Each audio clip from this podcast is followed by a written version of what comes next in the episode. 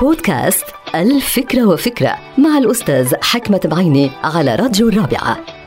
فكرة اليوم لها علاقة بال freelancers يعني الناس اللي بتشتغل لمصلحتها وعادة ال freelancers بيشتغلوا من بيتهم أو من مكاتب صغيرة ولكن طبعا مش بدوامات كاملة. هناك بعض النصائح اللي دائما بنقدمها لل freelancers.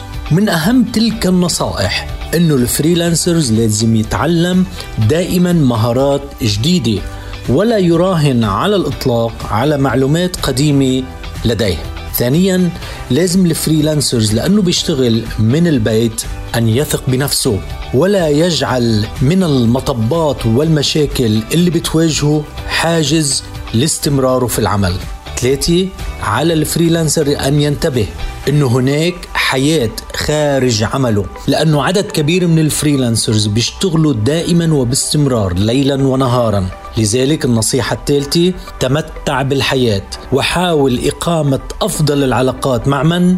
مع الأصدقاء ومع الأهل. انتهت الفكرة. هذه الحلقة مقتبسة من كتاب الفكرة وفكرة.